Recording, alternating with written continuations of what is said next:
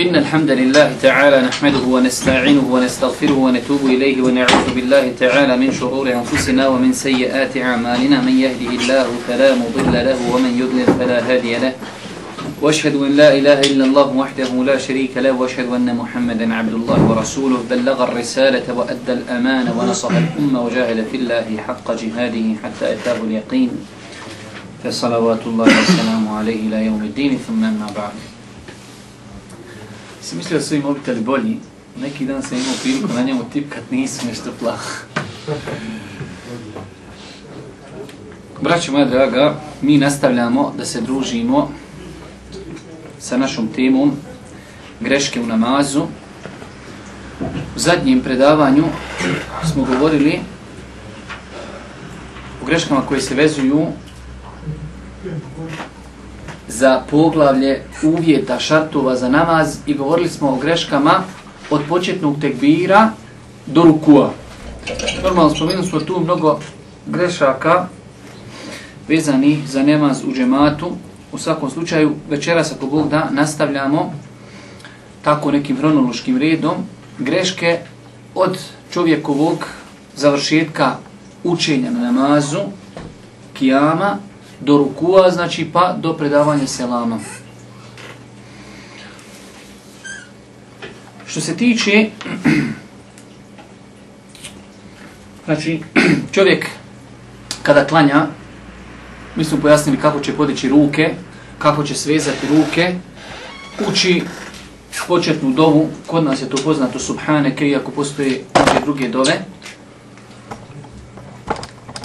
iako postoje mnoge druge dove, Nakon toga uči Jauzu, Bismillu, uči Fatihu, uči znači jednu suru. Može i više sura. Nakon toga podižu se ponovo ruke i čovjek odlazi na ruku.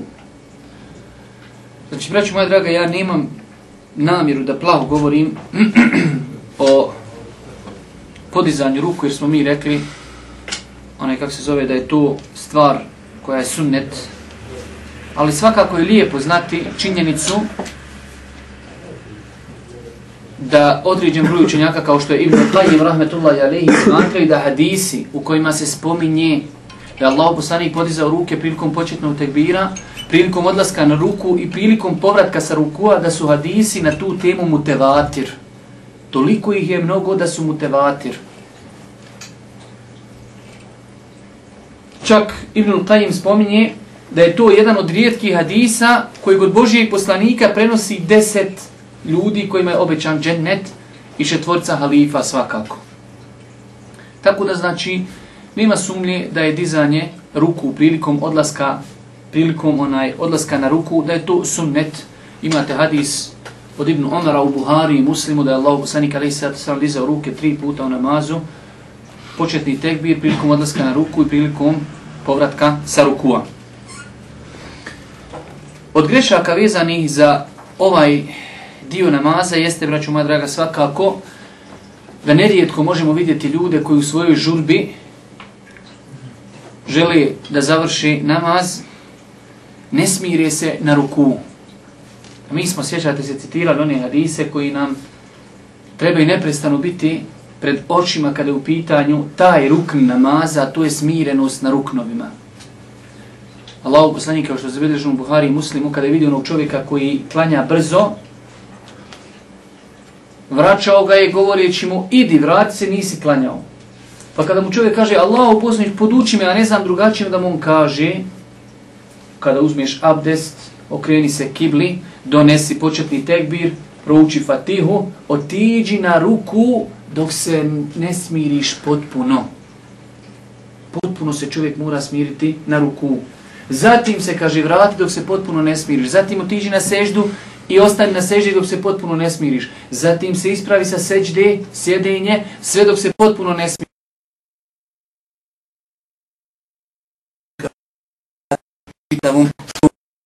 Tako da, braću moja draga, znači to je, nažalost, prisutna greška, naročito kada ljudi klanjaju pojedinačno. U džematu su to manje prisutne greške, osim možda kada u pitanju teravih, namaz, teravija, ali kada su u pitanju pojedinačni, znači, pojedinačno obavljanje namaza, dosta puta primijetimo tu, braću moja draga, grešku. Također, od, ajde ovo nećemo nazvati greške, ali eto možemo skazati da je to stvar nepoznata velikom broju ljudi. Vi znate mi kada klanjamo u džematu, za hođom, za imamom, on kad odi na ruku, vraćajući se sa ruku, on kaže Semi Allahu limen hamide, a mi onda kažemo Rabbena velekel hamd, je tako? Jes, tako A treba da znate da imate učenjaka koji su smatrali da je propisano čovjeku koji klanja u džematu da kaže Semi Allahu limen hamide također. Znači čovjek kada klanja u džematu, mi prakticiramo, velik broj nas prakticira da kaže samo Rabbena velekel hamd. Imate šafijski mezheb, smatra da čovjek kada klanja u džematu, kazat će također, kada se vraća sa rukua, Semi Allahu limen hamide, a kada se ispravi, kazat će Rabbena velekel hamd. Neko će nam postaviti pitanje što je za očekivati da kaže, pa dobro, zar nemamo hadis da je Boži poslanik kazao, kada ja reknem Semi Allahu limen hamide, vi recite Rabbena velekel hamd. Takav hadis postoji vjerodostojan. Da, braću moja draga, to je vjerodostojan hadis, ali treba ispravno shvatiti taj hadis. Kako su ga protumlačili učenjaci šafijske pravne škole? Vanština tog hadisa jeste onako kako ga mi praktikujemo, to je kad hođa imam, kaže Semi Allahu limen hamide, vi recite Rabbena velekel hamd. Ali, ispravno shvatanje tog hadisa je, Boži poslanik njima kaže, mi kad klanjamo u džematu, vi čujete mene gdje ja kažem Semi Allahu limen hamide i ja onda šutim podučaje ih zikru koji treba da kažu, pa kaže, vi tada recite Rabbena velike hamd. Ali sve mi Allahu limen hamide, to vi čujete od mene i to vam ne trebam govoriti da treba treći. To se podrazumijeva. Kao što sve ostale druge stvari imam kada govorim i za njim, Imam kaže Allahu ekber i mi kažemo Allahu ekber. On kaže eselamu alaikum, eselamu alaikum, mi kažemo za njim eselamu alaikum. Zašto samo ovaj ovdje momena da preskačemo se mi Allahu limen hamide? Tako ja lično to praktikujem godinama, znači ne kažem da je namaz neispravan onome ko to ne prakticira, ali hoću vam kažem samo da znate da postoji ulema i mezhebi koji kažu da je propisano čovjeku koji klanja namaz u džematu da i on također kaže sami Allahu limen hamide. Et, ništa više.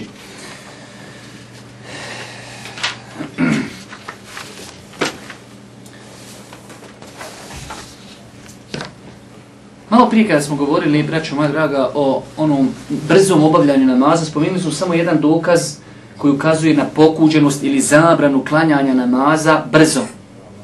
Imate još hadisa koji potvrđuju tu činjenicu, imate vjerodostan hadis za Boži poslanik kaže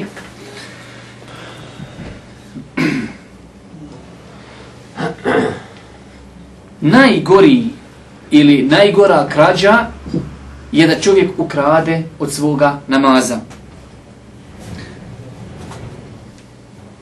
Kako čovjek radi od svoga namaza da ne upotpuni ruku i da ne upotpuni seždu. Također, Allah poslanik alaih sallatu sallam je zabranio da čovjek klanja oponašajući vranu koja kljuca. Svi ti hadisi, na braću moja draga, jednosmisleno ukazuju da nije dozvoljeno klanjati brzo namaz tako da čovjek se ne smiri potpuno onaj na ruknovima. Također,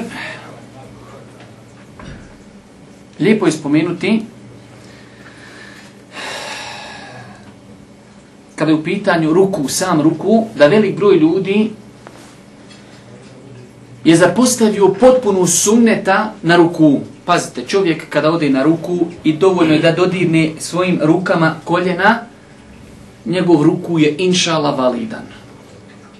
Njegov ruku je inšala validan. Ali hajmo pogledati kakav je bio ruku Allahu poslanika, alaih salatu wasalam.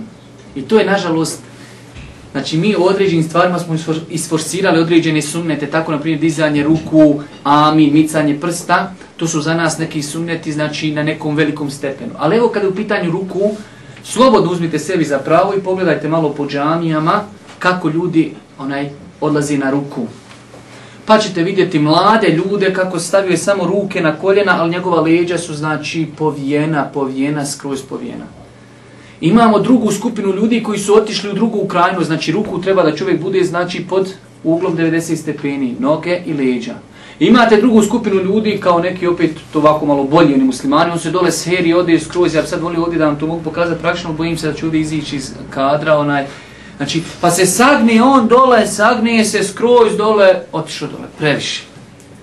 Imamo opet one koji su pokušali da ufate tu neku sredinu, pa su oni izravnali leđa i noge po 90 stepeni, ali glava ili strši ili je obori dole. Što je opet neispravno. Ispravno je, potpun ruku je, da čovjek bude po 90 stepeni i njegova glava da bude u ravni sa njegovim leđima. Kažu sahabi, Allah poslani kada bi učinio ruku, kada bi vode sasu na njegova leđa, ona bi ostala na leđima. To je redosan hadis. Tako je Allah poslani kada se sam činio ruku. I tu treba da se, hajde da kažemo, malo preispitamo u kontekstu ne da li je naš namaz ispravan. Jer mi smo rekli, braću moja draga, da ćemo kroz ove greške ukazivati na neke greške, ne samo na greške koji kvari namaz, već ćemo ukazivati na neke sunnete koji su zapostavljeni. Također od sunneta je da čovjek, znači nakon što je učinio ruku, da stavi svoje ruke na koljena tako što će znači rašiniti prstiju, ona obuhvatiti svoja koljena.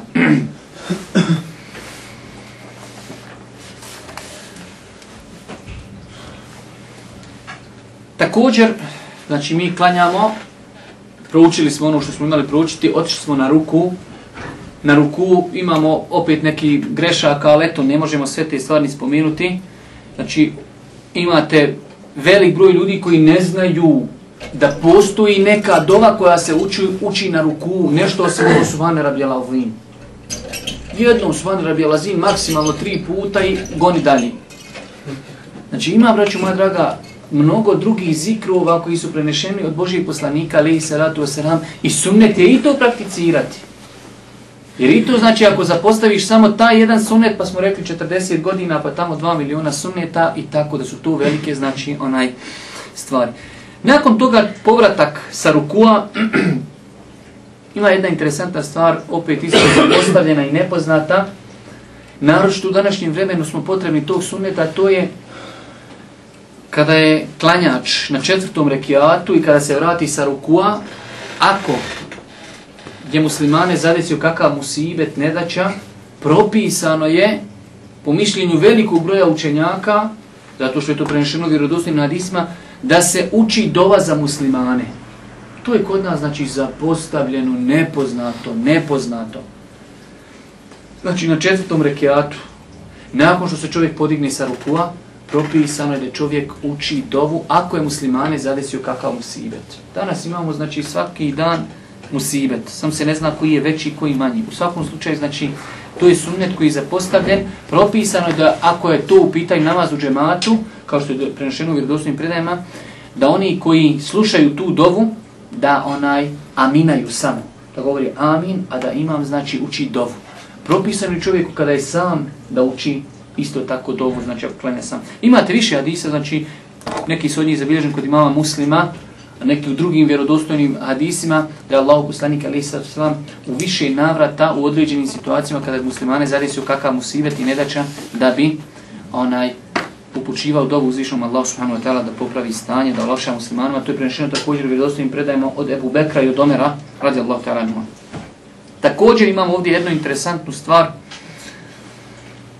a to je pristizanje na taj ruku. Kada smo malo prije govorili o ruku i u džamiji, kada čovjek klanja u džematu, znači čovjek da bi prispio na jedan rekja, da bi ga smatrao, da je stigao na njega, minimalno treba da stigne imama na ruku. Ako si imam vratio i ti tada se priključiš u džemat, taj rekiat na kojim se ti priključi ne može ga, ne može ga brojati. Kad tek ozdol ustanete, taj rekiat, ako, ako imam eventualno ustane, od tada ti počini brojati svoj namaz. Prije toga ne. Boži poslanik kaže, ko prispije na ruku, stigao je rekiat. Dobro, ali kako sada? Gdje je ta granica stigao si na rekiat? Malo samo sad koncentracije, nije tu ništa plaho komplikovano. Imate nešto što se zove potpun ruku, a to je da čovjek bude po 90 stepeni. Imate nešto što se zove gornja granica rukua, znači kad bi čovjeka vidio i klanja, kažeš, jest on je na ruku, ali je slabo radio ruku. Ako se malo još ispravi, kaj gotovo, on više nije na ruku tu čovjek mora stići imama odlazeći na ruku, ti trebaš njega stići u toj granici gdje se on već ispravlja, gdje napušta krajnju granicu rukua. Ako ga ti tu stigneš i prija njega odeš i uđeš ti u granicu rukua, inšala stigo si ruku. A ako si ga stigo da dođeš dole na ruku i da kažeš subhane radi alavim, to je znači onda onaj kak se zove, a on se još nije ispravio, onda je to onaj sigurno stignut rekiat. Samo je pitanje, znači, gdje je zadnja granica kako se stiže na rekiat? Zadnja granica da mi, zamislite sad, ruku je neki, hajde reknimo, krug.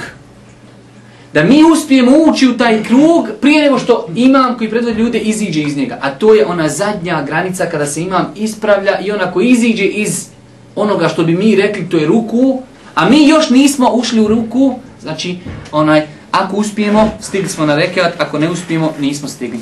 Mislim, inšala, da sam ja tu vama fino pojasnio, koliko ste vi shvatili, bit ćemo poslije predavanja. Da li, da li mu je obavezno da jednom kaže su Nije, nije obaveza, bitno je znači samo da stigne. Ako stigne, inša Allah, onda toga nema veze da znači onda kad on dole uđe u taj period, nek rekne Subhane Rabi Allahim jednom i nek se vrati.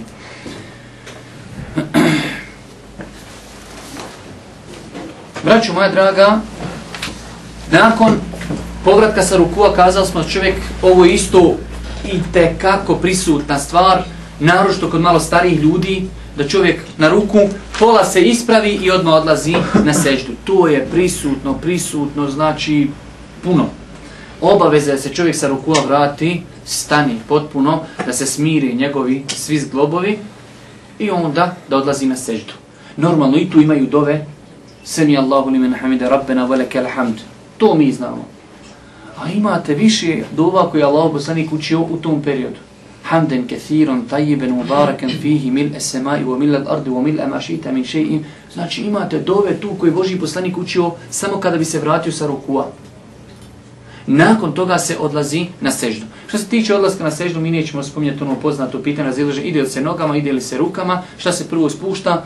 Oba mišljenja su validna, u smislu validna, Svi imaju neke svoje dokaze, ja lično preferiram mišljenje da se ide prvo rukama, ali znači i ono mišljenje ljudi koji, i to je stav većine učenjaka, da se ide prvo koljenima.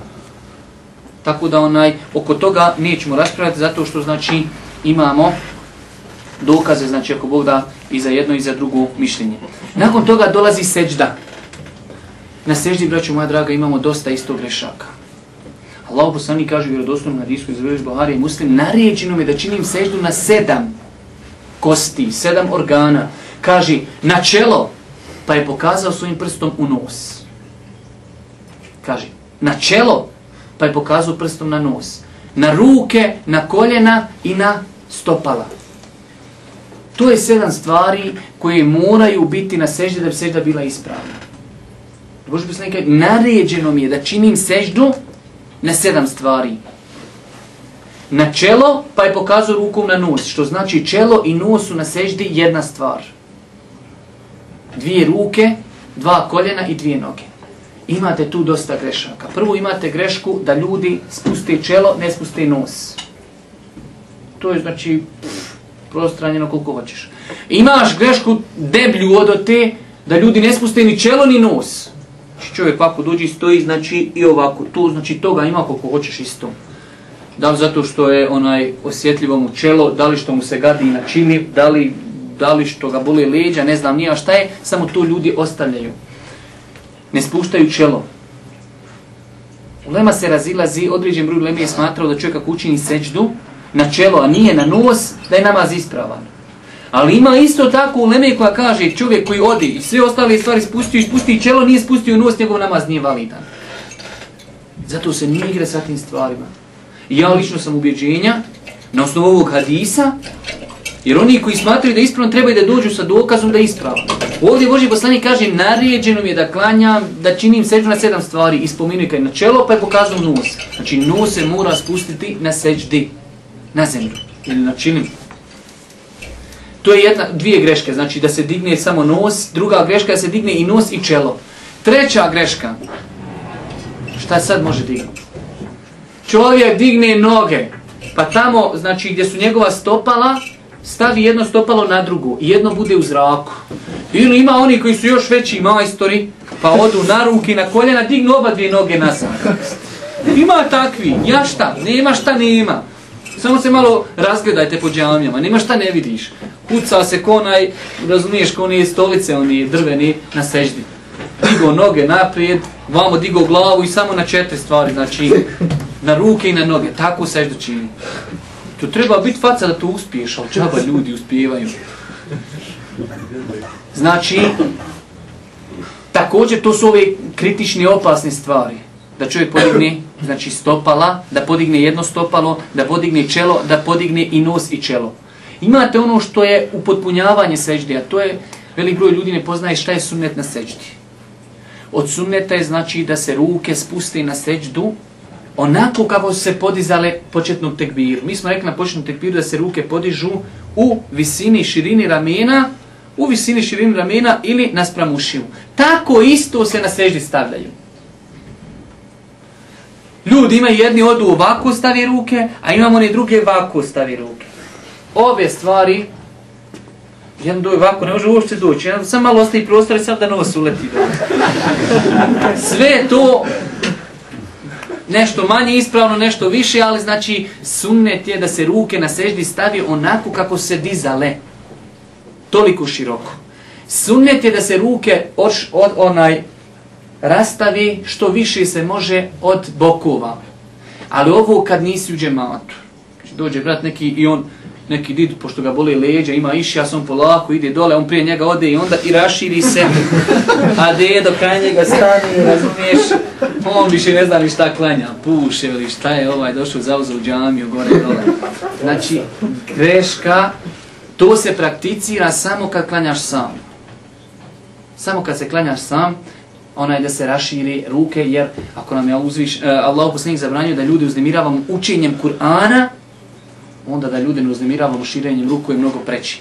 Također imate u pogledu čovjeka i njegovog odlaska na seždu, boravka na seždi, imate opet, u nas je tako, u nas mi uvijek idemo ili lijevo ili desno, sredinu mi nekako nikako da u, ušicamo. Imate ljude, on se pruži na seždi skoro da je legu. Ima takvi. Ja ih sam ih gledao svojim očima i gledam ih svaki dan. Ima kontra, oni koji se skupi, eto, nema, znači seždu odmah kraj koljena čini. I to je greška. Znači, treba stomak odmakijeti od nogu, od koljena. Znači, čovjek bude otprilike u nekom, znači, onaj kako se zove, takvom položaju, ne da je puno pružen naprijed, ne da je puno povučen, da čini sežde odmah od koljena, već da znači u normalnom nekom, u normalnom, za nek, za nek ljudi se razkuju šta je za koga šta normalno, ali ovo je normalno ovako kako smo pojasnili. Znači, braćo moja draga, onaj, to je greška u samom činjenju seđdi. Sad imamo grešku požurica seđdom. Ko sklekove začet gore dole, tam vam i završimo. Rekli smo na seždi, na osnovu onih hadisa, malo prije, imate hadis Boži Boži i kaže, nije validan namaz, nije potpun namaz onoga ko svoje čelo ne spusti, znači na seždu i ne smiri se. Či čovjek treba da ode na seždu, da stane, da izgovori zikr, da se potpuno smiri. Kad se smiri njegovo tijelo, onda se vraća. Tu je također, nažalost, greška i tekako zapostavljena. I tekako prisutna onaj kod velikog broja klanjača. Također, kad smo govorili o seđdi, još smo mi na seđdi, noge, kako će čovjek stopala staviti? Normalno, koljena, znači onako kako se čovjek spustio na seđdu, i onako kako je prilike stajao, tako će noge spasti na seđdu. Sada je pitanje, da li će stopala, znači ovaj dio podkoljenice, da li će biti pravo, znači što na kraju će to izgledati da su noge široke na seždi, ili će spojiti noge postoji znači razilaženje. Većina u Lemije smatra da se noge ne skupljaju na seždi. Stopala. Znate o čemu znači govorimo? Kad čovjek na seždi, koljena su normalno raširene, otprilike u visini neki njegovi prsa, onako kako čovjek pada na seždu. Da li će njegova stopala biti iza njega raširena u širini njegovih koljena ili će ispojiti? Većina u kaže će raširiti u granici njegovih koljena, manjinski dio Leme kaže će ispojiti i ja opet sam sa tim manjinskim dijelom islamskih učenjaka. Ja lično smatram, zato što postoji o tome dokaz A iša radi Allah ta'ala kaže, jedne noći sam ustala pa sam tražila Božih poslanika, bojala sam se da je izišao negdje, pa sam pipala rukama, noć je bila mrak, pa sam, kaže, svojom rukom, pazite, svojom rukom, stavila sam svoju ruku na njegova, bio je, kaže, na seždi, na njegova stopala. Nemoguće je staviti jednu ruku na dva stopala na seždi, osim ako čovjek je spojio stopala. Gledajte ovaj je hadis? Ko bi rekao da će od iz njega ulema to uzeti? Al džabaj. Kaže Aisha, ja sam, kaže, tražila poslanika, pa sam jednom svojom rukom dodirila njegova dva stopala. I nemoguće znači dodirnuti jednom rukom dva stopala, osim ako su ta dva stopala spojena. Allah najbolje zna, znači, onaj namjerno sam kazao da je stav većinskog dijela učenjaka da se noge raširuju, ali onaj lijepo je da onaj znamo i drugi stav.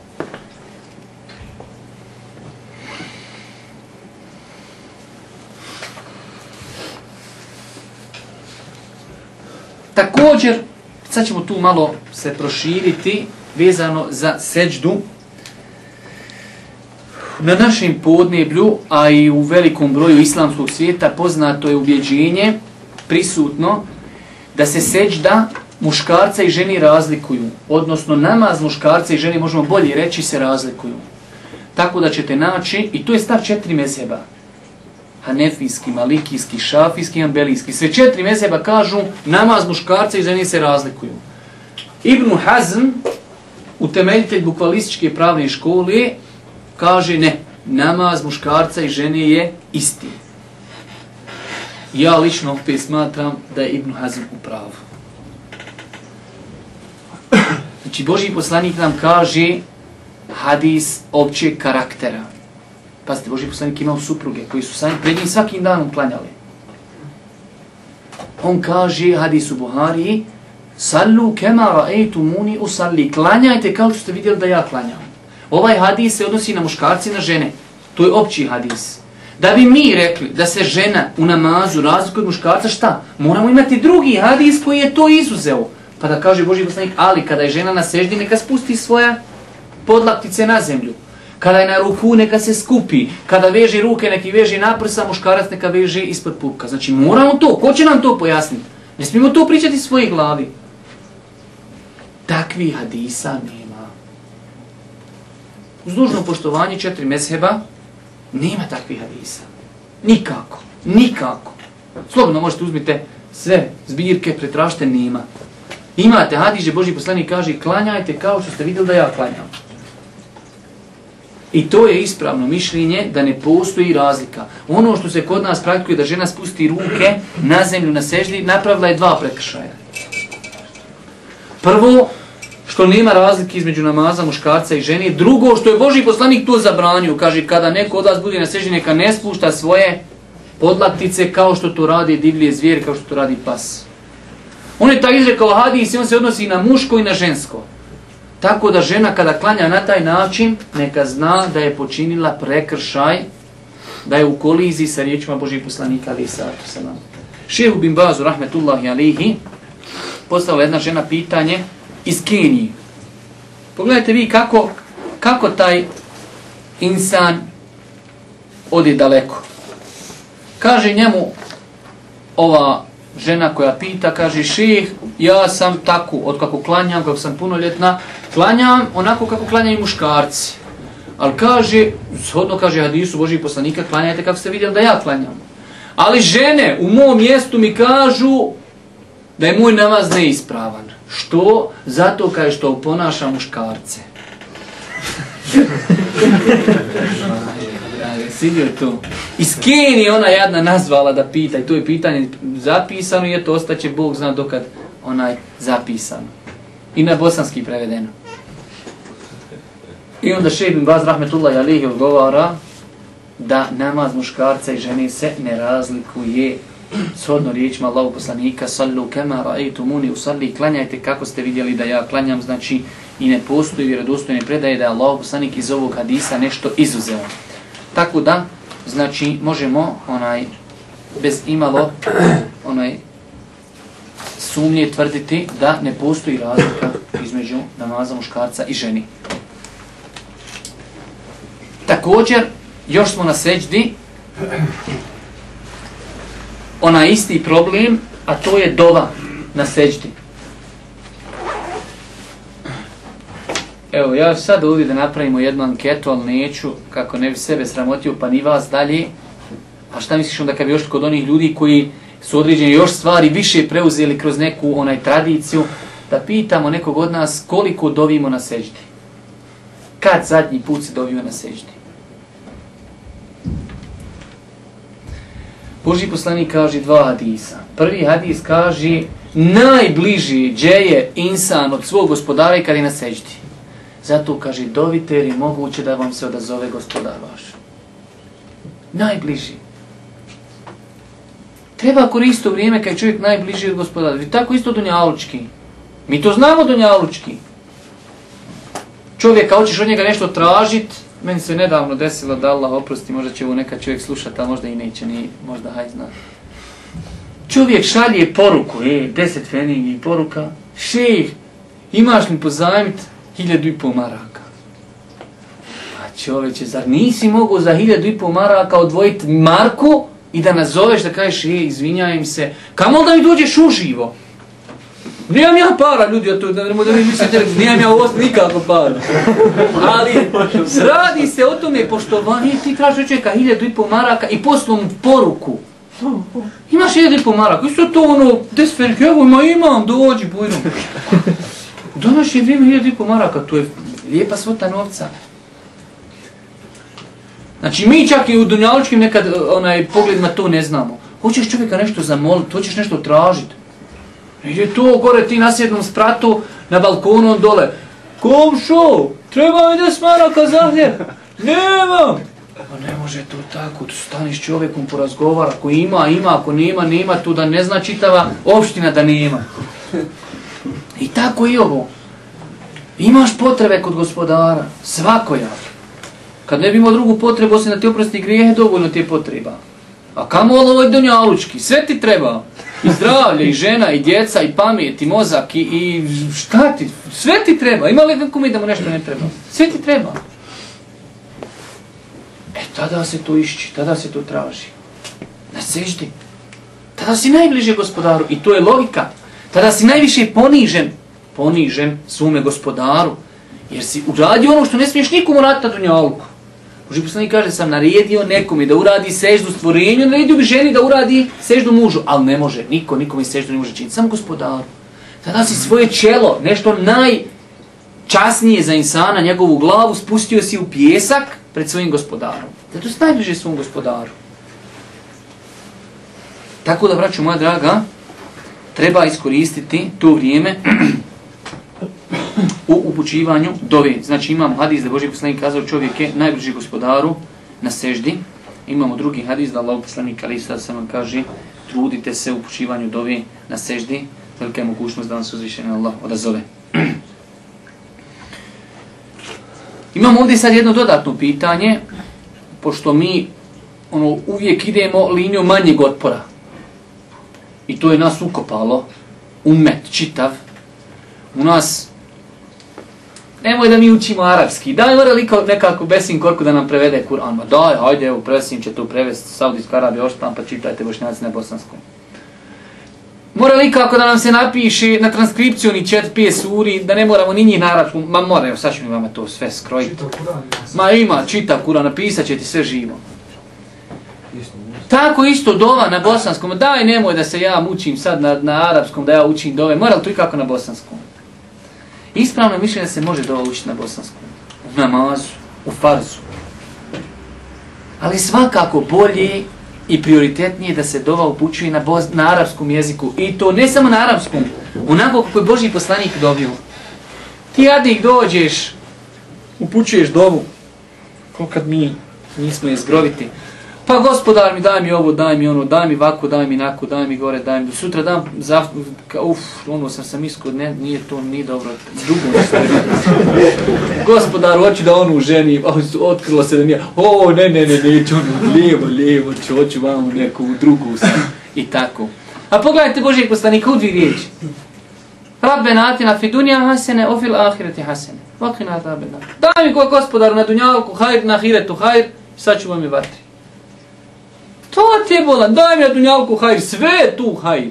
I žena, i auto, i zdravlje, i potomstvo, sve živo je hajr na dunjalku. Daj mi dobro dunjalka, daj mi dobro na hiretu, sve. Kratko, zato je najbolje dobiti ovima Božih poslanika ali srca. Ali, ako bi se mi oslonili na onu liniju manjeg otpora, znači širu bin bazu je postavljeno pitanje da li čovjek može dobiti u namazu, na farz namazu, dovom koja nije arapska, on je rekao da može i da to ne kvari namaz. I ne samo on, stalna komisija za fetve, na čijem čelu je bio širu baz svakako.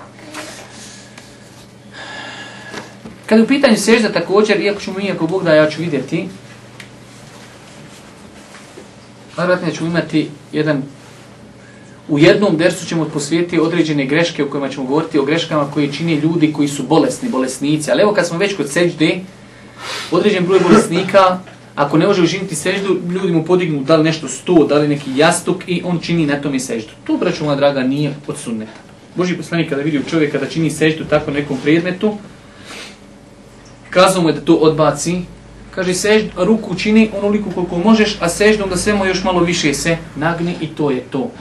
Znači čovjek koji ne može činiti seždu, da ode dole skroz na zemlju, da stavi svoje čelo, pogeće se onoliko koliko može, treba da to bude malo više od rukua i to je ono što treba, nema potrebe znači nikako da mu se podiže kakav predmet, da li je to sto, da li je to jastuk, nema nikakve potrebe.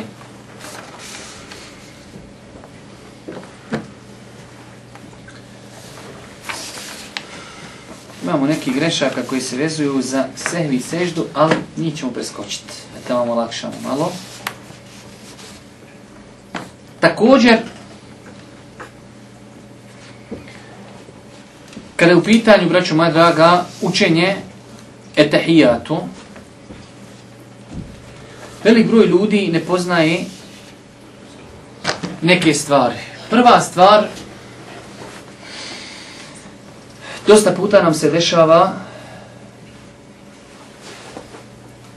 da li dosta puta Allah zna, čovjek na prvom, reke, na, na prvom sjedenju, to se primijeti po ljudima, oni koji miču prstom u namazu, čovjek uči etahijatu i odjednom prestane učiti etahijatu, ne završio etahijatu, imam još nije završio etahijatu, on šuti.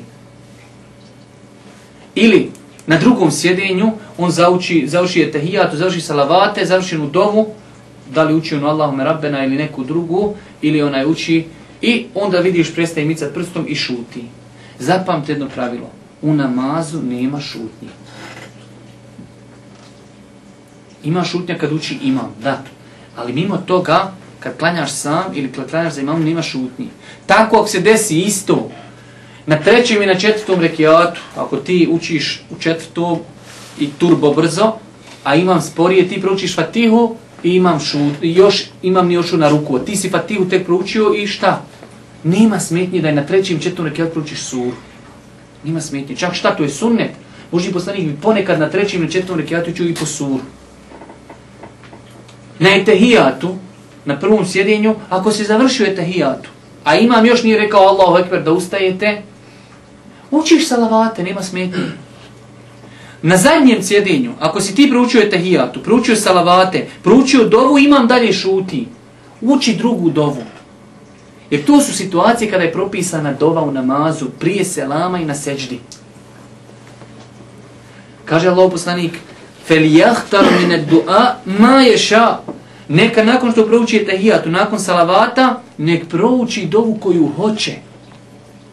Tada, znači, ako imam, ako imam, čak i kod kuće, kad sam planjaš, uči tada dovu neku drugu, ne mora, znači, završi jednu, dvije dove i onda uči neke druge dove. Nema smjetnje. Znači, imamo ljude koji u tom periodu šute, što je svakako onaj, suprotno sunnet. Mi kažemo da je greška koja uzrok koji kvari u nijukom slučaju, ali je greška, znači, sunnet je da se uči doba, ako je u pitanju zadnje sjedinje, ako je u pitanju prvo sjedinje, da se uči salavati.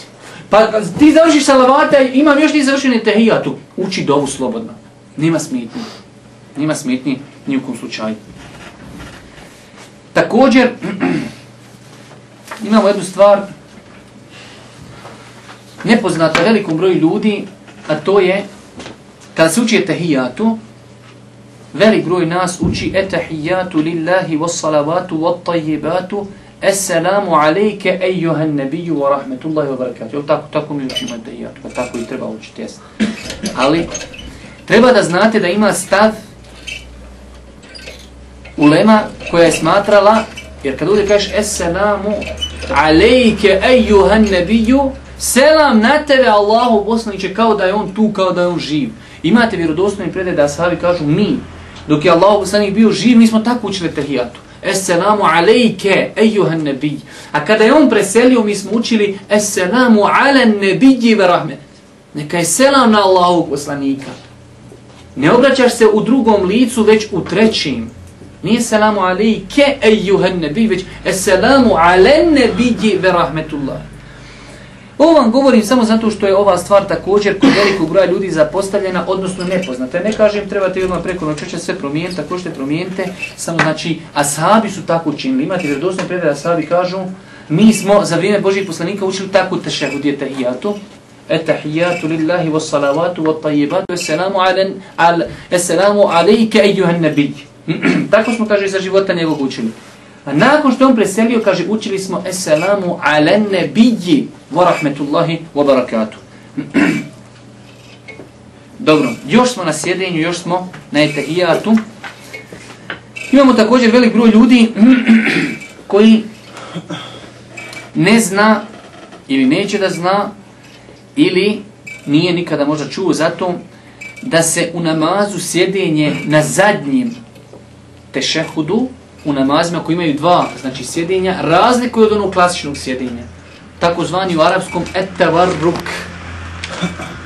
A to je ono kad ste negdje viđali da čovjek znači ovu desnu nogu ostavi onako kako je normalno, da, da podavije prste, a da lijevu nogu podbaci pod desnu i da sjedne znači na kuk ili na, na stegno, kako god hoćete da kažete. Tako je prenešeno u vjerodostojnim hadisima da je Allah poslanik sjedio na zadnjem sjedinju. E sad, ulema se razilazi Ima prvo dio ulemi koji kažu iz određenih njima razloga, kažu mi te hadise ne prihvatamo u redu. Mi se nećemo tome puno osvrtati. Hadis je i mi ga inša uzmemo kao dokaz. Ali se razilaze kada se tako sjeda.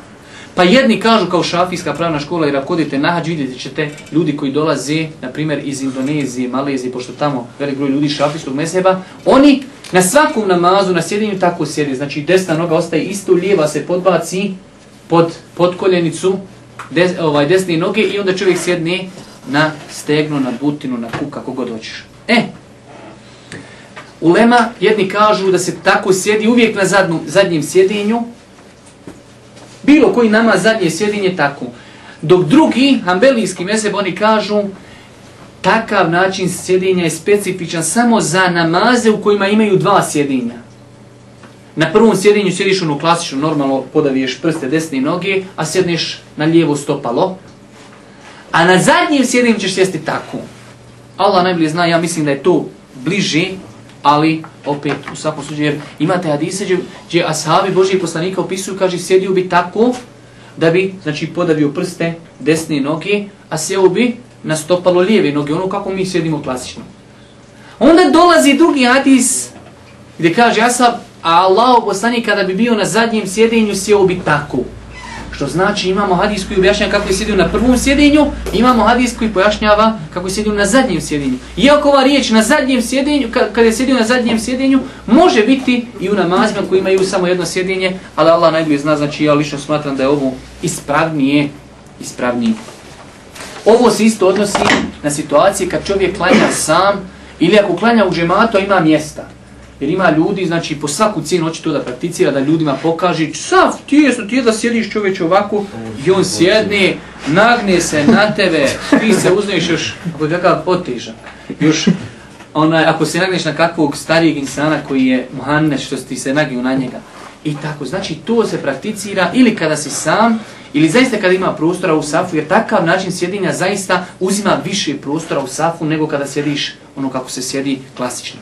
Tako da nemojte ove stvari da, ajde rekli mu, isforsirate više nešto treba, da napravite belaj negdje u džematu, već znači onog momenta kada se mogu prakticirati, mogu, a ako ne mogu, Allah ne duži nikoga osim u njegovim mogućnostima. Također, imate određen broj ljudi, još smo na etahijatu, uči se etahijatu, imate određen broj ljudi koji smatraju da je neka saudijska ili ne znam nije otkli novotarija da čovjek miče prstom u namazu.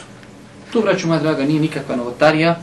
Znači, islamski učenjaci, islamski onaj klasici, mezhebi, su se razišli u pogledu prsta, kaže prsta desne ruke, kako će znači čovjek sa njim da čini u toku tešehuda, u toku sjedinja.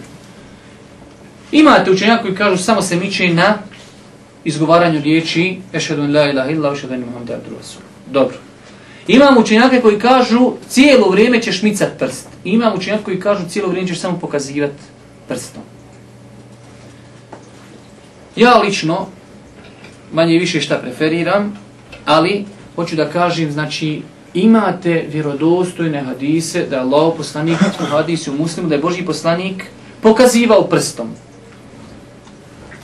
Imate pomeni vjerodostojne hadis i da ga je micao. Imate hadis koji nije vjerodostojan da nije micao. Baš riječ nije micao. Ima znači vjerodostojan hadis da je pokazivao prstom. I ima vjerodostojan da je micao. Nema nigdje dokaza da ga je samo micao na šedu in la ilaha illallah. To nema nigdje dokaza. E znači sad čovjek se treba da izabire šta će. Znači može da miče prstom, može da sa njim samo pokazuje, može da ga miče samo na tešehudu. Ja lično smatram, znači Netu, ja šeha Albani rahmetullahi alihi kao sigurno najveći muhaddis ovog zadnjih stoljeća, kaže ne postoji nigdje nikakav hadis da je Boži poslanik samo micao prstom kad bi izgovarao još jedan la ilaha illallah. Nema takvog hadisa. Znači imaju one dvije opcije da čovjek cijelo vrijeme miče ili da, ili da cijelo vrijeme išareti. Za te obje stvari postoje dokazi. Ja lično smatram da je jači dokaz oni učenjaka koji kažu da se miče prstom u toku namaza. Ali problem, pogledajte. Ja zaista nemam sumnje da su ovo jača mišljenje od mišljenja, mišljenja micanja prsta samo na tešehudu. Ali je došlo da je to jedino ispravno kod velikog broja klanjača, a ovo drugo da je neispravno. A obrnuto je, ovo je više ispravno nego ono. Ali eto, znači, ljudi, tako u Afganistanu, pošto u Afganistanu hanefijski mezheb strogo, kod njih kad mičeš prstom, dođe odmah prvi do tebi, sam ti uzmi prsti ovako ga prelomi. Neće prstom. Toliko su, znači, ljudi ortodoksni. Haja. E, Znači, ne treba ići u jednu krajnost, onaj, ali u svakom slučaju, onaj, to je ono što smo spomenuli nekom da.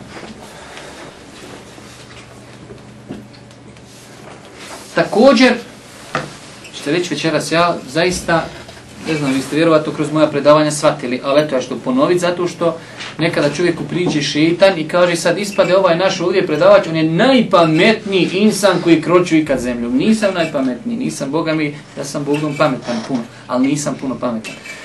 Ispade sad on četiri mezeva na jednu stranu, on na drugu stranu. Naš mezev vamo, on tamo, pa ni u čemu mi nismo pogodili. Ja govorim sa dokazima, ko hoće da prihvati, nek prihvati, ko neće.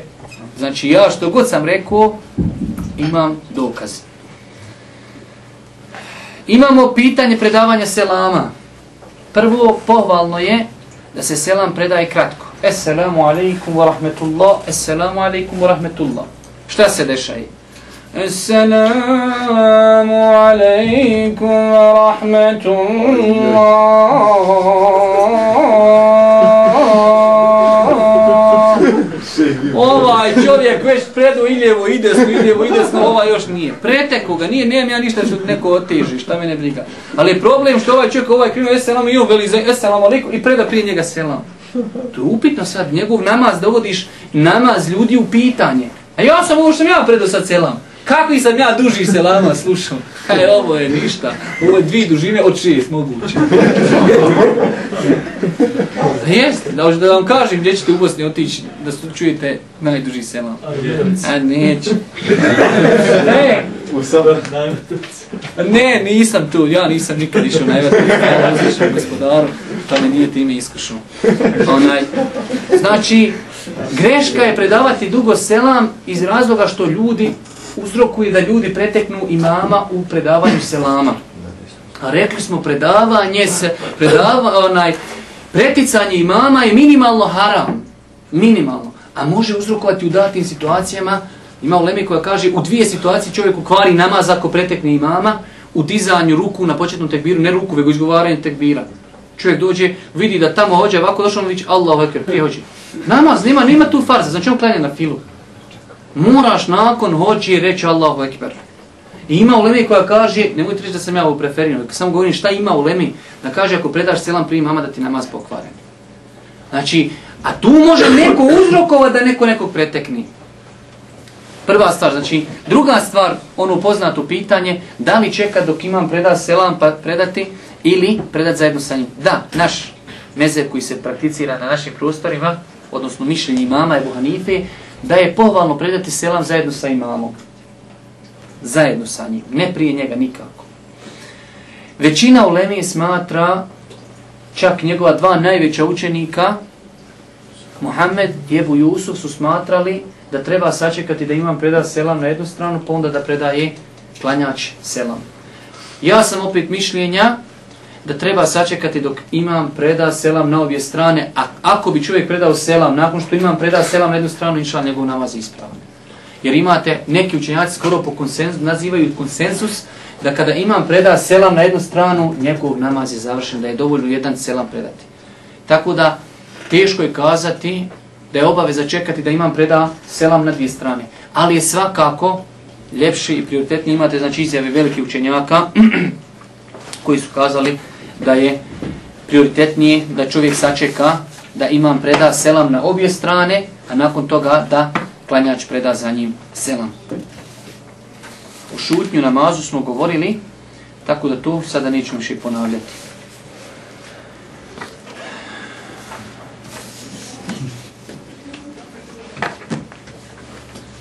Eto ga. Uf, ima još.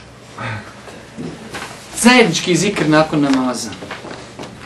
Ako pogledam u praksu Allahu poslanika alaihi salatu wasalam, znači, ne možemo naći dokaz da je Allahu poslanik zikrio džemati. Ili čak šta više, imate vjerodostojne predaje, sjećate se one predaje koje smo bilježi, onaj, spominjali dosta puta kroz predavanja, Abdullah ibn Mesud radi Allah ta'ala anhu, nakon smrti Božih poslanika kada je vidio ljude da zajednički zikri u džami, da on njima rekao, jeste li vi na uputi bolje nego što je uputa Božih poslanika, ali i salatu salam. Znači, zajednički zikr poslije namaza nema utemeljenja u vjeri, propisano je da svaki insan zikri za sebe. I nećemo puno oko toga dužiti. Također, kad se već zikri, Ja lično sam ubeđen da nije smetnija se zikri na tespih. Nema smetnji. Ali da čovjek sam zikri na tespih. Da uzme čovjek tespih, da zna koliko je puta kazao, 33 puta, nema smetnje, inša Allah, biznila. Samo tespih kao tespih. Ali je sigurno preće i bolje i vrednije se vapnije čovjek zikri na prste. Jer Boži poslanik kaže, hunne mesulat, one će biti jagodice, vrhovi prstiju, će biti pitan na sudnjem danu i one će govoriti, svjedoći će. Imate vjerodosne hadise da je Boži poslanik zikrio, znači, onaj na prste. Tako da, onaj, dovoljno je tu kazati da čovjek kada zikri, da je najprioritetnije da zikri na onaj na prste, a ja lično sam ubeđenja, i znači nije to samo moje ubeđenje, to na osnovu fetava islamskih učenjaka, da nema smetnje da se tespih koristi, ali kada pojedinačno se zikri. Imamo također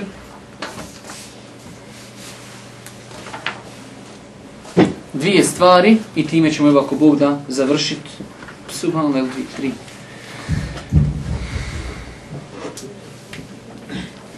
Rukovanje nakon namaza.